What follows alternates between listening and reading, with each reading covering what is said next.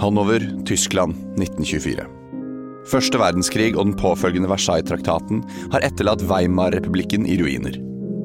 Den voldsomme inflasjonen har gjort tyske mark verdiløse, og det tyske folk lider under sult, nød og ekstrem fattigdom.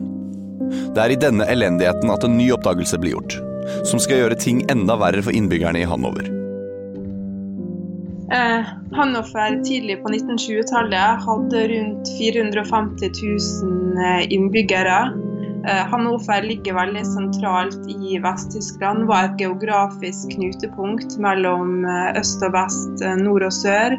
Det er også et sted der svartebørshandel og prostitusjon florerte. Du hører stemmen til Anette Homlung Storeide, førsteamanuensis ved NTNU i Trondheim. Hun spesialiserer seg i krigshistorie, tysk historie og etterkrigshistorie, og har skrevet flere bøker innenfor disse feltene. Og Tidlig på 20-tallet er det det miljøet her at mange unge gutter plutselig forsvinner. og Det fører da til det ryktet om at det er en varulv på gang i Hannover, fordi eh, det er flere unge menn som forsvinner på mystisk vis, og som ikke blir, eh, blir satt igjen. Det er den 17. mai, våren 1924. To barn leker langs elva Leine, ikke langt unna Herrenhausen-slottet i Hanover, Tyskland. Det er ved en gammel mølle at barna finner den første hodeskallen. Tolv dager senere blir et nytt kranium funnet, og den 13. juni dukker enda to hodeskaller opp. En av dem skalpert. Hodeskallene tilhører unge gutter mellom 11 og 18 år. En skarp gjenstand har blitt brukt til å separere hodene fra de manglende kroppene, og all huden har råtnet vekk fra kraniene, som har ligget i elva en god stund. Hodeskallene antas først å stamme fra Det anatomiske instituttet i Göttingen, eller fra Alfeld litt lenger nord, hvor det nylig har vært et utbrudd av tyfus. En mer spekulativ vandrehistorie sier at de har blitt kastet i elven av gravrøvere på kirkegården i Engeshodet. Teoriene stilner da en guttegjeng finner en sekk med menneskebein i myrlandet i døren, samt nok en skalpert hodeskalle fra en ung mann. Myndighetene mislykkes i forsøkene på å feie funnene under teppet, og ryktene begynner å spre seg i byen. Folk blir tatt til fange i gamlebyen. Barn forsvinner ned i kjellere. Unggutter blir druknet i elva. Er noen av tingene folk hvisker om. Frykten for at en varulv er løs i området, brer seg over den prøyssiske hovedstaden. Du hører på Svartelista. Mitt navn er Andreas Weier Osvold. Flere hundre mennesker er meldt savnet i Nidersaksen, og brorparten er unge gutter og menn mellom 14 og 18 år. I pinsen 1924 mobiliserer hundrevis av innbyggere seg ved den øvre elvebredden på leting etter menneskerester. Det blir gjort flere funn, og morgenen 5. juli demmes elva opp. Politimenn og kommunearbeidere gjennomsøker elveleiet. Funnene ryster byen. Mer enn 500 likrester blir funnet, de fleste fra unge gutter. De har ligget der i flere år, og mange av skjelettrestene har fortsatt synlige merker etter redskapet som har blitt brukt til å dissekere kroppene. Sommeren 1924 er antallet døde kropper som blir funnet så høyt at det er en reell fare for at panikk skal bre seg over hele Weimar-republikken. Presseannonser med beskrivelser av funnene slippes, i håp om at det skal komme tips som skal føre etterforskningen videre. Ved en tilfeldighet blir søkelyset rettet mot en 45 år gammel lokal mann ved navn Friedrich Harman, kjent som Fritz Harman. I 1918 forsvant to skolegutter, og Harman var den gang mistenkt for å ha myrdet barna. Harman opererer som informant for Hanover-politiet og kjenner til hele politistyrken. Derfor blir to betjente fra Berlin kalt inn for å overvåke ham ved jernbanestasjonen, hvor han holder til på dagtid. De bevitner at Harman overleverer en 15-åring ved navn Carl From til jernbanepolitiet, og at han beskylder gutten for å reise på ulovlige dokumenter. Når From blir tatt til stasjonen, kommer det imidlertid frem en litt annen historie. From hevder at han har blitt holdt i leiligheten til Harman i flere døgn hvor Harman har utsatt ham for grove seksuelle overgrep. Da From våknet en morgen, holdt Harman en kniv mot strupen hans og spurte gutten om han var redd for døden. Da Harman så frykten i guttens øyne, skal han ha ledd og sagt at han bare spøkte. Harman ble fengslet neste morgen. Harmans husverter, naboer og andre vitner blir forhørt av politiet, og eiendommen hans ransakes. Hundrevis av klesgjenstander blir konfiskert, presentert for familiemedlemmer og raskt identifisert som klær tilhørende flere av de savnede guttene i Nidersaksen. Mengden bevis mot Harman er så overveldende at det ikke foreligger tvil. Harman er varulven som har terrorisert Hanover. Utenfra fremstår ikke Fritz Harman som en kaldblodig massemorder. Han har et snilt, åpent ansikt, spørrende øyne, og han oppfører seg både høflig og vennlig i arresten. Han er middels høy, kraftig og bred i kroppen, og er glattbarbert med unntak av en liten, velkjemmet bart. En av fingertuppene på den venstre hånden hans mangler, bitt av i en slåsskamp, ifølge Harman selv. Han er et sosialt vesen, snakkesalig, animert, sympatisøkende og oppspilt. Hendene hans ligger sjelden i ro, og han fukter sporadisk leppene i en rask og nervøs bevegelse med tungen. Men under den vennlige fremtoningen ligger blytunge bevis som maler et ganske annet bilde av 45-åringen. Så hvordan gikk det egentlig til at Fritz Harman ble en av de verste seriemorderne gjennom tidene? Friedrich Heinrich Carl Harman ble født den 25. oktober 1879 og var den yngste i en søskenflokk på seks. Moren, Johanna Claudius, var en enfoldig, sykelig kvinne med lav energi, og hun var oftest sengeliggende. Hun var snill mot Fritz og skjemte ham bort i den grad hun kunne. Fra ung alder hatet Fritz faren sin, Olli Harman. Gamle Harman, som han ble kalt, var kjent i Hanover som en irritabel, gnien og miserabel mann, og en notorisk skjørtejeger. Om kveldene kunne han oftest finnes på en av byens tvilsomme puber. Det kronisk dårlige humøret hans forverret seg da han fikk syfilis i senere år, som satte en stopper for kvinnebedåringen hans. Fritz skal tidlig ha begynt å anse gamle Harman mer som en rival enn en far. Han mislikte ham sterkt og skal ha ønsket ham død. Det oppsto ofte slåsskamper dem imellom. Det giftige forholdet skulle vare livet ut, og heller ikke mellom søsknene var det mye kjærlighet å finne. Fritz elsket moren sin over alt i verden og da hun gikk bort i 1901, førte det til enda større splid i den dysfunksjonelle familien. Og det oppsto flere feider rundt arven etter Johanna Claudius. Lærerne hans beskrev Fritz som en veloppdragen, stille og relativt populær gutt, men ikke veldig smart. To ganger måtte han ta et år om igjen. En gang da han var rundt syv år gammel, skal Fritz ha blitt utsatt for et overgrep på skolen. Dessverre er det lite informasjon om dette. Slike tilfeller var skambelagte, både for overgriper og offer. Og vi vet ikke engang om Fritz Harman meldte fra om overgrepet da, eller om det var noe som kom frem i avhørene og intervjuene senere. Denne hendelsen ble ikke sett på som noen katalysator for det som skulle skje mange år senere, og fikk liten til ingen oppmerksomhet da det skjedde. Som ungdom ble det bestemt at Fritz skulle være lærling under en låsesmed, men han viste seg uegnet til dette, og ble, som så mange andre ungdom på den tiden, sendt på militærskole. Han ankom festningsbyen Neu-Brisak den 4. april 1895, da 16 år gammel. Fritz utmerket seg i militæret. Han var en kraftig, velutviklet gutt så vel som en lydig soldat. Men den 3. september ble han sendt til sykestua fordi han hadde vist tegn til mentale forstyrrelser. Han hadde periodiske glipper i bevisstheten, angstanfall og symptomer på epilepsi. Den 3. november ble han sluppet fra militæret etter eget ønske. 16 år gammel hadde Harman sin seksuelle debut med en 35 år gammel kvinne. Men derfra utviklet sexlivet hans seg til en rekke overgrep mot små barn. 17 år gammel, i 1896, ble Harman siktet for slike overgrep for første gang. Han hadde ifølge siktelsen lurt barn inn dører og ned kjellere, og så forgrepet seg på dem. Den 6. februar 1897 ble han sendt til asylet i Hildesheim, hvor han ble diagnostisert psykisk utviklingshemmet og farlig uhelbredelig sinnsforvirret. Man tror at det skjedde noe med Fritz Harman i denne tiden på Hildesheim, og at han led et psykisk traume som fulgte ham resten av livet. Det var ingenting han fryktet mer enn å bli sendt tilbake til mentalsykehuset, og skal i senere tid ha uttalt Heng meg, gjør hva du vil med meg, men ikke send meg tilbake til galehuset. Eh, altså Mentalsykehuset var noe helt annet. Eh, det var ingen eh, vitenskapelig etablerte metoder. De personene som var der, ble stort sett utsatt for det som man i dag ville betegne både som useriøse eksperiment og, og mishandling. Eh, F.eks. at man hadde svettekurer eller bestemte drikkekurer. Ja, ting som ikke ville være normalt på en, en psykiatrisk eh, klinikk i, i dag. Han rømte for andre gang den 25. desember. Denne gangen tok han ingen sjanser og flyktet til Zürich, hvor han lå i skjul i ett og et halvt år. I april 1899 var 19 år gamle Fritz Harman tilbake i Hanovers gater. Arrestasjonen, flukten og etterlysningen glemt. Det ble avtalt et ekteskap mellom Harman og en kvinne ved navn Erna Løvert, og de forlovet seg. Løvert ble gravid med Harmans barn i 1901, men fikk en jordmor til å utføre en abort. Høsten 1900 hadde Harman fått en ny mulighet til å hevde seg i militæret. Og den 12. oktober ble han rekruttert inn i den 10. riflebataljonen ved Kolmar.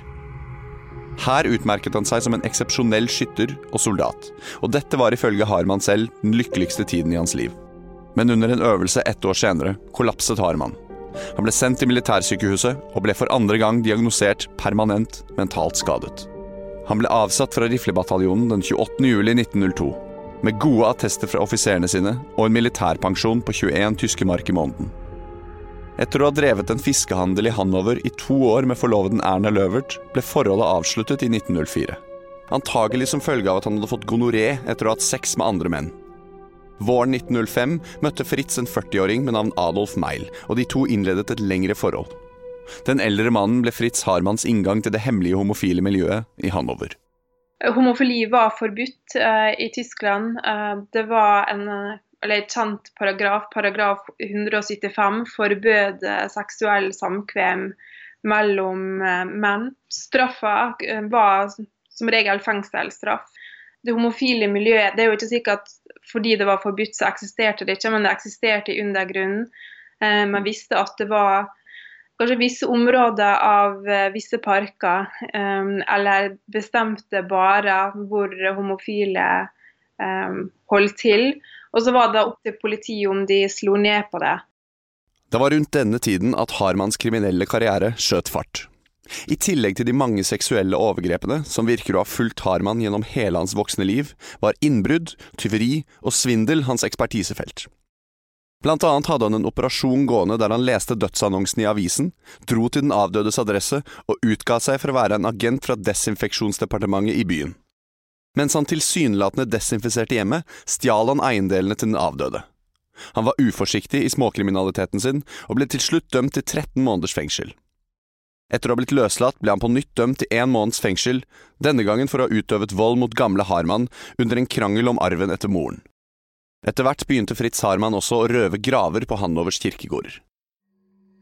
Perioden 1905 til 1912 tilbrakte Harman i all hovedsak bak fengselsgitter, med bare et par måneders avbrudd her og der, før han igjen og igjen havnet bak murene. Overgrepene mot unge gutter ble bare flere og flere, og grovere og grovere. Harman sa selv at han i perioder begikk overgrep mot barn hver eneste dag. Men av de mange siktelsene han fikk mot seg, var svært få av dem relatert til dette. Mest sannsynlig grunnet den enorme skammen ofrene bar på, og at de på den tiden kunne risikere å havne i fengsel selv for såkalte homoseksuelle handlinger. I 1913 ble Fritz Harman dømt til fem års fengsel, bl.a. for et titalls innbrudd. Harman sverget ved Gud og sin mors grav at han var uskyldig, men valgte likevel å ikke anke dommen. Slik gikk det til at Fritz Harman befant seg trygt bak fengselsmurer da første verdenskrig brøt ut, og unnslapp dens grusomme konsekvenser. Da han nok en gang sto som en fri mann i Hanovers gater i 1918, mer sulten enn noen gang før, var det til et ødelagt Tyskland, og en politistyrke fullstendig ute av stand til å forutse eller stoppe det som skulle skje. Av alt Fritz Harman hadde gjort til nå, var det ingenting mot det som skulle komme. Monsteret som bodde dypt inni ham, var i ferd med å våkne til live. Den såkalte varulven fra Hanovers første kjente offer var en 17-åring ved navn Fridel Rote. En høstmorgen i 1918, etter en krangel med moren, rømte han hjemmefra. Fridel ble observert i Eilenreidet samme dag, men det var først to dager senere, uten videre livstegn, at moren mottok et brev som sa at han ikke ville komme tilbake før hun var snill igjen.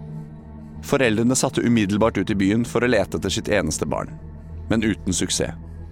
Tre venner av 17-åringen sto frem til foreldrene og fortalte at de tidligere hadde møtt en anstendig herremann i en kafé. Mannen var politiinspektør og hadde gitt dem gaver og tatt dem ut i skogen, hvor han forførte dem. Fridel hadde bygget et tett forhold til mannen, og innrømmet til vennene at han hadde vært i leiligheten hans i Sellerstrasse 27, hvor de hadde røyket og hatt det gøy sammen.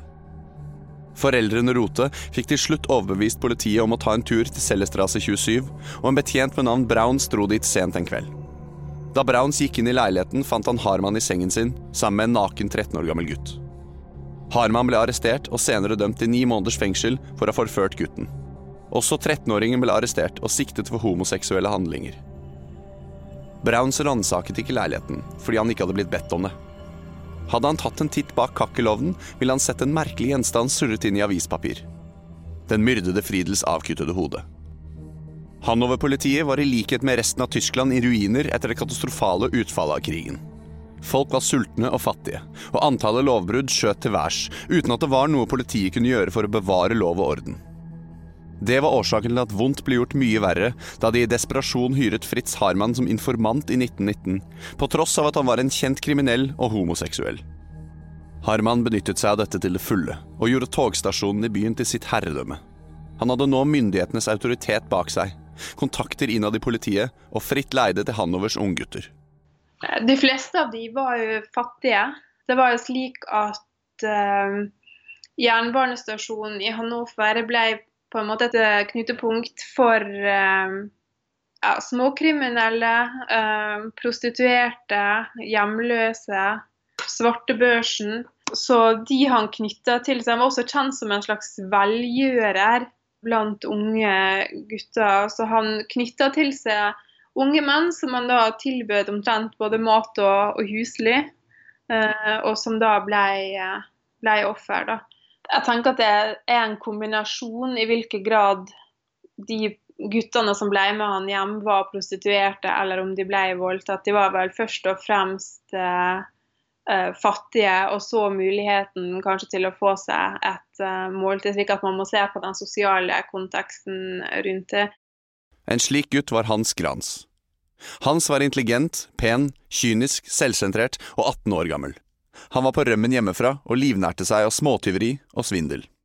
Han hadde nylig ankommet Hanover da han ble fortalt av en kompis om homsen på togstasjonen, som hadde betalt en gutt han kjente 20 tyske mark for et ligg. Det var grunnlaget for hans første møte med Fritz Harman. Den 40 år gamle Harman tok Hans med til leiligheten sin, og et usannsynlig forhold oppsto. Grans begynte å løpe kriminelle ærend for Harman, og de to vokste tettere og tettere. Selv om de hadde sporadisk sex, begynte Harman å se på den unge elskeren sin som en sønn. Han var som mitt eget barn, uttalte han senere. Jeg dro ham opp av grøfta og gjorde alt jeg kunne for at han ikke skulle gå til hundene. Grans på sin side hadde en pragmatisk tilnærming til forholdet, og utnyttet den eldre mannen for det han var verdt. Tidvis oppsto det voldsomme krangler mellom de to. Men selv om Grans ble bortvist av Harman flere ganger, endte det alltid med at den eldre mannen tryglet om at han skulle komme tilbake og bo med ham. Harman hadde blitt helt avhengig av den 22 år yngre Grans, og det var 18-åringen som satt med makten i det bisarre forholdet. Hvilken rolle Hans Grans hadde i det hele, vet vi ikke, men det som er sikkert, er at han visste om de grusomme hendelsene som utspilte seg bak Fritz Harmans dører. Fem år skulle gå før Harman drepte igjen, som kan bevises. Ellie Schultz og Dørken Mrutsek, to prostituerte og bekjente av Harman og Grans, dukket opp på politistasjonen ved Waterloo-plats. Med seg hadde de to kjøttstykker og en merkelig historie. To dager tidligere hadde de møtt en ung, hyggelig mann fra Berlin, en 16 år gammel pianist, i hjemmet til Fritz Harman i Neuestrasse. Hans Grans var også til stede. De to kvinnene og Grans hadde dratt til Schutzenheimen, hvor pianisten fra Berlin spilte den kvelden. Da de dro hjem for kvelden, hadde Grans hvisket i øret til Ellie og nikket mot 16-åringen. Han skal få det i kveld. Morgenen etter dro Dørken til Harmans for å rengjøre. Harman åpnet døren, og bak ham lå den unge pianisten i sengen. Halvnaken, urørlig og kritthvit. Dørken var livredd og spurte hva som var galt med han. Harman dekket raskt over 16-åringen og hvisket at hun måtte være stille fordi han ville sove. Hun kunne komme tilbake på ettermiddagen. Da hun kom tilbake var gulvene allerede skrubbet, leiligheten rengjort og alle vinduene sto åpne. Harman virket oppspilt og spurte Dørken om hun kunne lukte noe vondt. På senga så hun klærne til pianisten. Harman forklarte det med at 16-åringen hadde dratt til Hamburg og ville ha noen andre klær. Da Harman var ute på et annet ærend, dro Dørken og Ellie sammen til Neuestrasse og så gjennom skuffen hans. I en av skuffene fant de et munnstykke og lommeboka til den unge berlineren. I et hulrom under trappa fant de et blodig forkle og ei svær krukke full av kjøttstykker. De gjemte med seg to av kjøttstykkene med hår stikkende ut av seg, og det er disse de nå har lagt på disken til politistasjonen. Ved en tilfeldighet har de blitt møtt av politietterforsker Müller, som bruker Harman som informant. Han tar inn hele historien, og tar det med til rettsdoktor Alex Schakwitz. Men doktoren tar bare et par sniff av kjøttet og ler. Jeg er litt forkjølet i dag, og har mistet luktesansen, men alle kan vel se at dette er grisehud, Likevel velger Müller å utstede en ransakelsesordre, men ingenting mistenkelig blir funnet i huset i Neuestrasse. Noen dager senere kan Hans Grans bli observert spankulerende rundt i Hanovers gater med et nytt sett klær.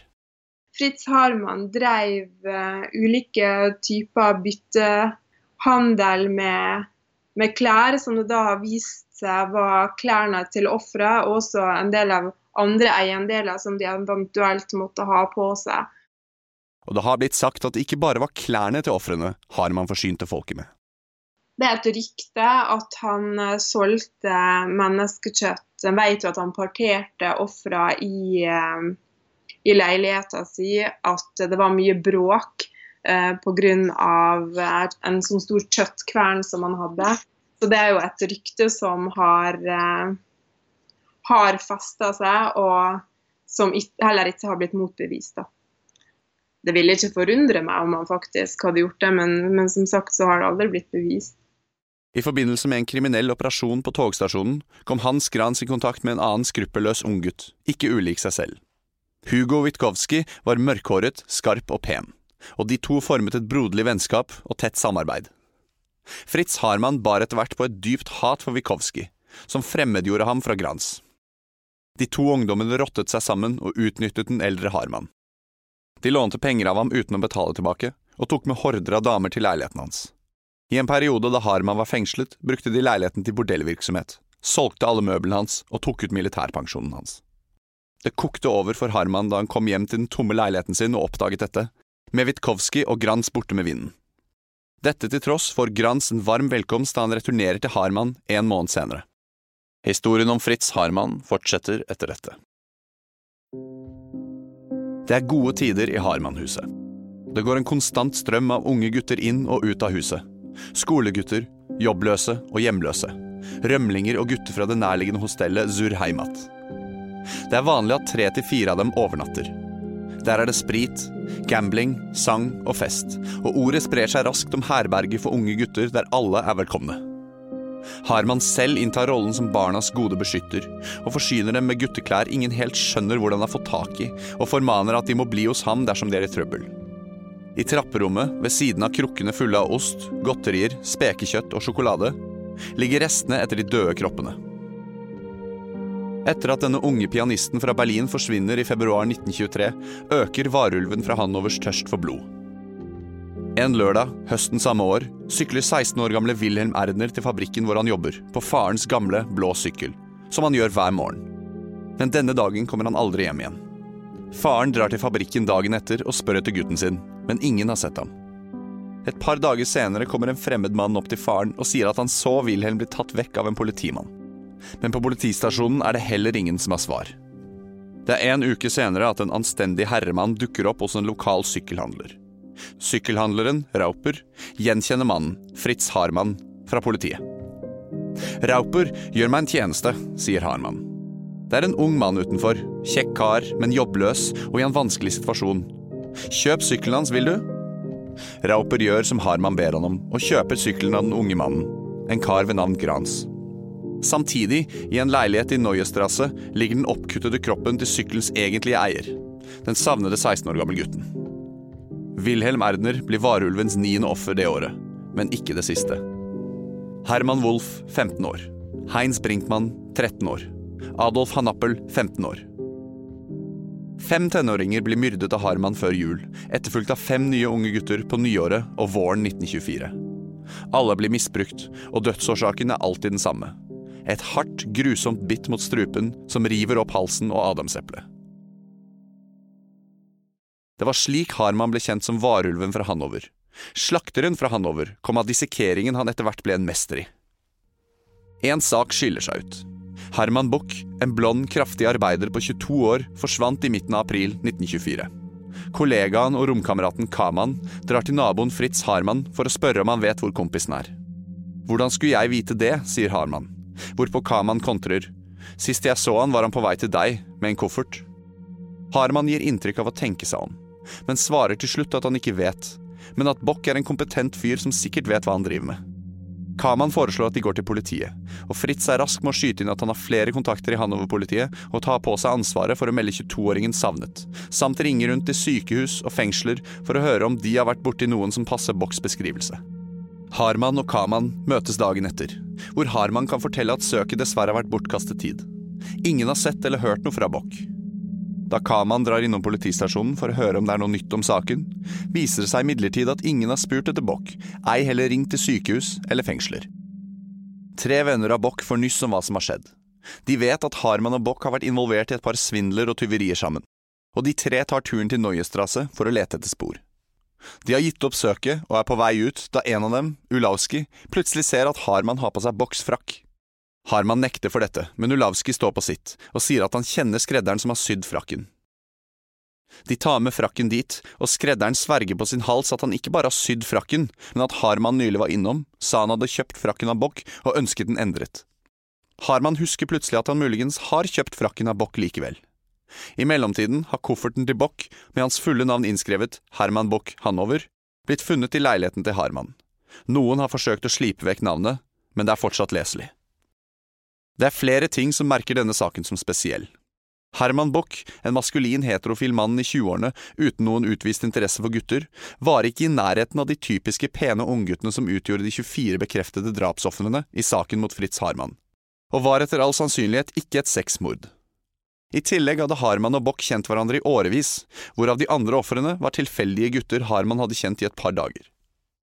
Dette kom også opp i den senere rettssaken, hvor Harman insisterte på at han ikke drepte de han kjente.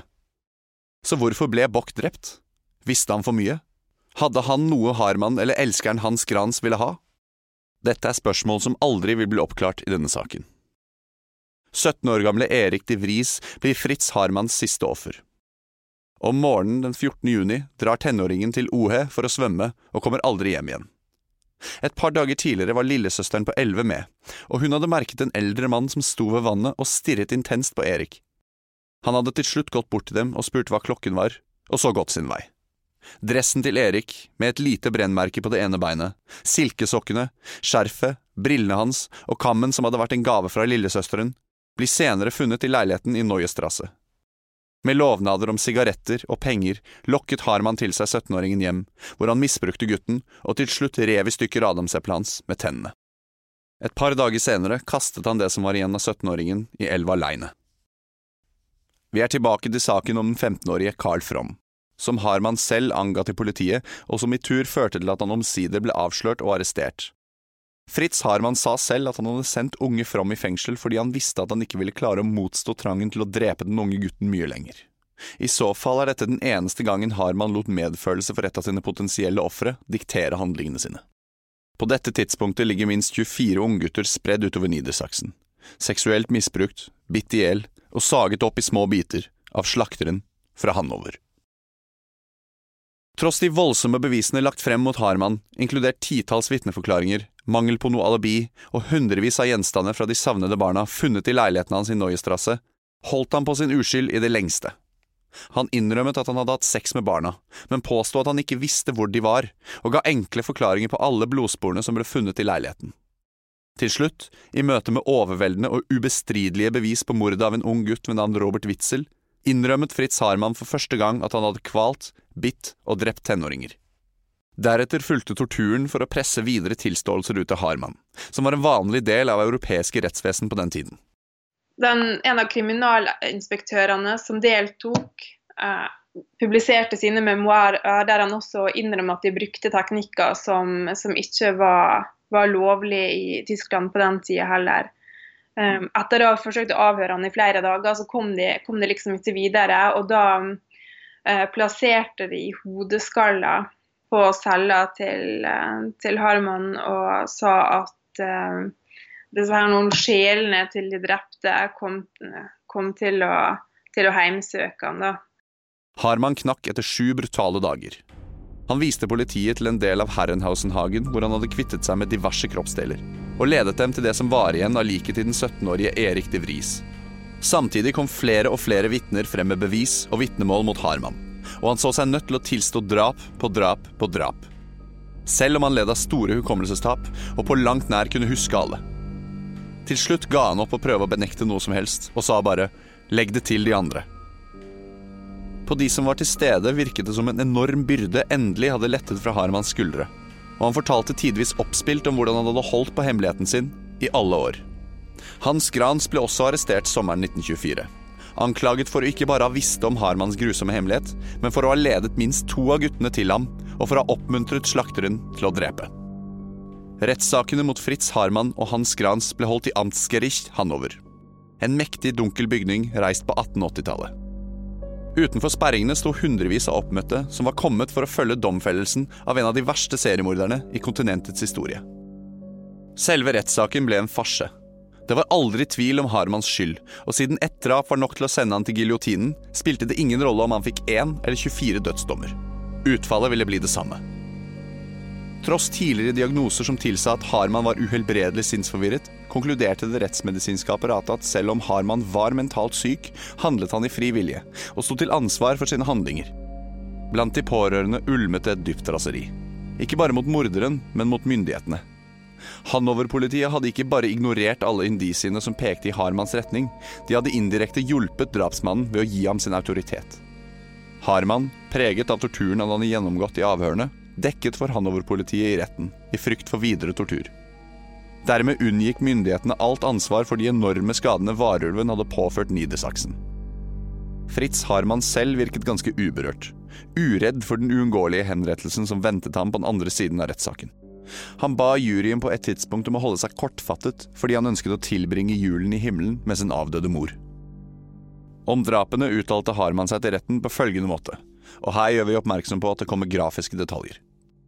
Jeg bet meg gjennom adamseplet og kollapset oppå den døde kroppen. Så gikk jeg ned og laget meg en kopp sterk, svart kaffe. Jeg la kroppene på gulvet og dekket ansiktet med et tøystykke så de ikke skulle se på meg. Jeg gjorde to snitt i buken og puttet innvollene i en bøtte. Jeg dyppet et håndkle ned i blodet som samlet seg i mageregionen, og fortsatte til alt var tørket opp. Så gjorde jeg tre kutt fra ribbeina opp mot skuldrene, tok tak i ribbeina og presset til skjelettet rundt skuldrene knakk. Jeg kuttet av beina, og så armene. Jeg flådde huden av skjelettet og puttet det i ei væske. Resten av kjøttet havnet under senga. Jeg brukte den lille kjøkkenkniven til å kutte rundt skalpen og kutte huden opp i striper og små kvadrater. Jeg hatet hele denne prosessen, men jeg klarte ikke å styre meg. Lysten min var så mye sterkere enn grufullheten som kom med kuttingen og hakkingen. Ikke tro at å drepe noen er godt. Jeg vil bli halshugget. Det vil bare ta et øyeblikk, så vil jeg få fred.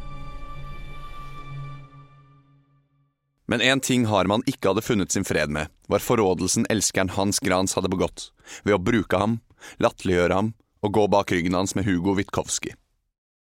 Harman visste at han ikke hadde noen utvei selv, og han aktet å ta den han elsket og hatet aller høyest med seg i graven. Hans Grans opptrådte urokkelig i retten, stoisk og fullstendig fokusert på å komme seg gjennom rettssaken med liv og lemmer i behold.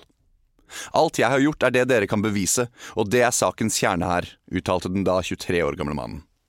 Mens Harman med ømhet i stemmen omtalte 23-åringen som Hans, henviste Hans Grans alltid til Harman som herr Harman eller den anklagede Harman.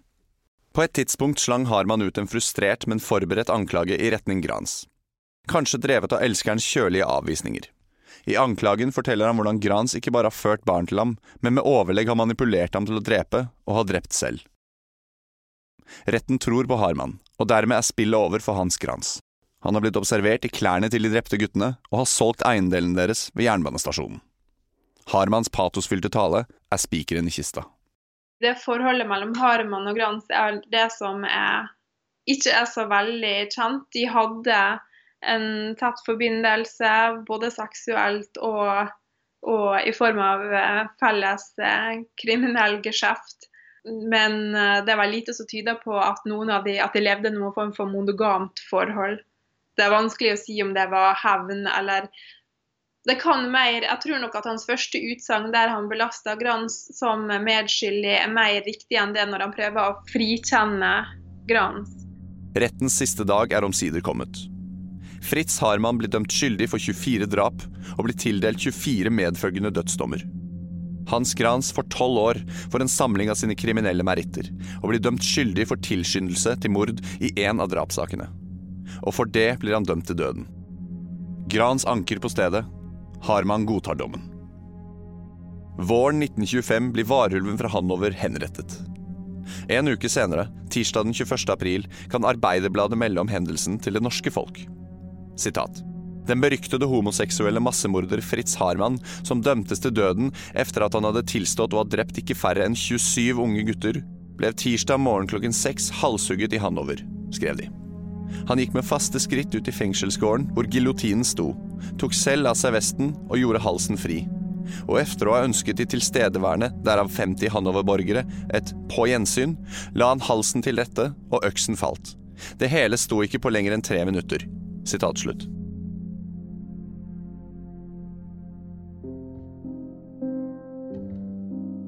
Fritz Harman er død. Hans Grans anke har falt i retten, og dødsdommen hans er endelig. Det kan virke som om den brutale historien om varulven fra Hanover endelig er over. Men så blir det funnet et brev i Hanovers gater som skal forårsake en siste tvist. I brevet står Tilståelse av morderen Fritz Harman. Jeg har muligheten, mens jeg blir fraktet med bil til politistasjonen, å presentere dette brevet til offentligheten.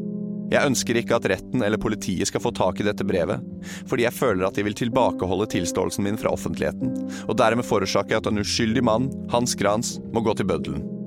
Da ting ble oppdaget om myrdingen min, tvang politiet meg til å fortelle usannheter. Jeg var redd for å bli mishandlet igjen, så jeg gikk med på alt og sa ting om Grans som ikke var sant.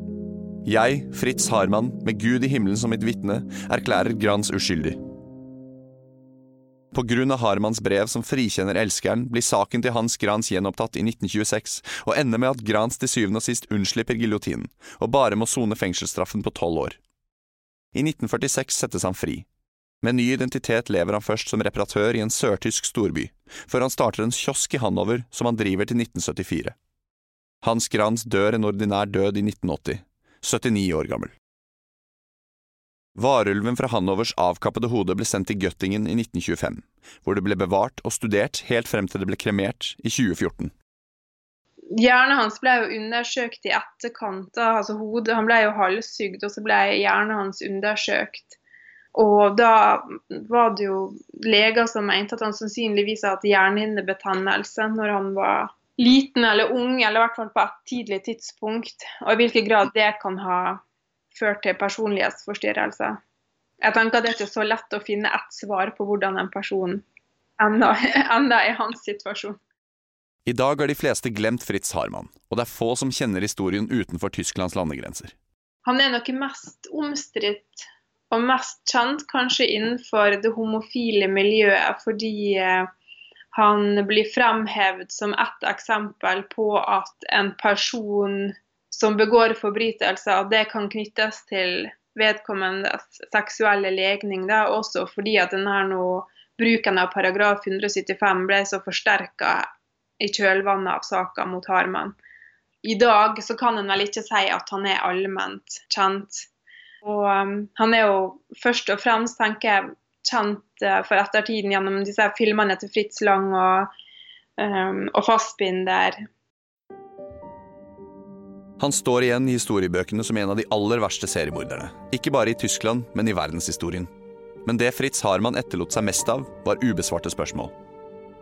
Hva var det egentlig som drev den vennligsinnede herremannen fra Hanover? Var han et offer for sin egen mentalsykdom, eller en kalkulert psykopat? Vi vil heller aldri få vite hvor mange Fritz Harman egentlig drepte. I retten klarte de å feste 24 drap til hans kappe, og i senere tid mener man å bevise at han tok minst 27 menneskeliv. Men Harman selv påsto å ikke huske flere av disse, og tilsto bare de drapene som kunne bevises. Hvor mange av de 600 savnede Hanover-guttene møtte egentlig sitt endelikt i omfavnelsen til varulven? Noen ting er det bedre å ikke vite. Svartelista er laget av Andreas Weir Osvold og Kasper Brein Selvig. Lyd ved Joakim Sandvik. Originalmusikk av Trond Bjerknes. Tusen takk til Anette Homlung Storeide. Dette er den siste episoden av Svartelista for denne gangen, men vi kan avsløre at vi allerede nå jobber med en sesong to. Du kan følge Svartelista på Facebook, hvor vi holder deg oppdatert på alt vi gjør, diskuterer kriminalsaker og deler ekstramateriale fra podkasten. Dersom du vil hjelpe Svartelista, setter vi enorm pris på at du legger igjen en anmeldelse på iTunes, og skriv gjerne hva du liker og ikke liker. Mitt navn er Andreas Weier Osvold. Svartelista er laget i samarbeid med både og.